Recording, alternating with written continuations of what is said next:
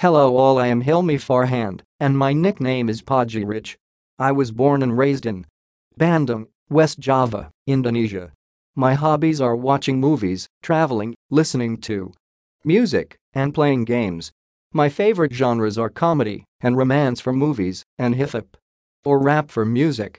I aspire to become a famous rap singer and want to become a music producer. Thank you.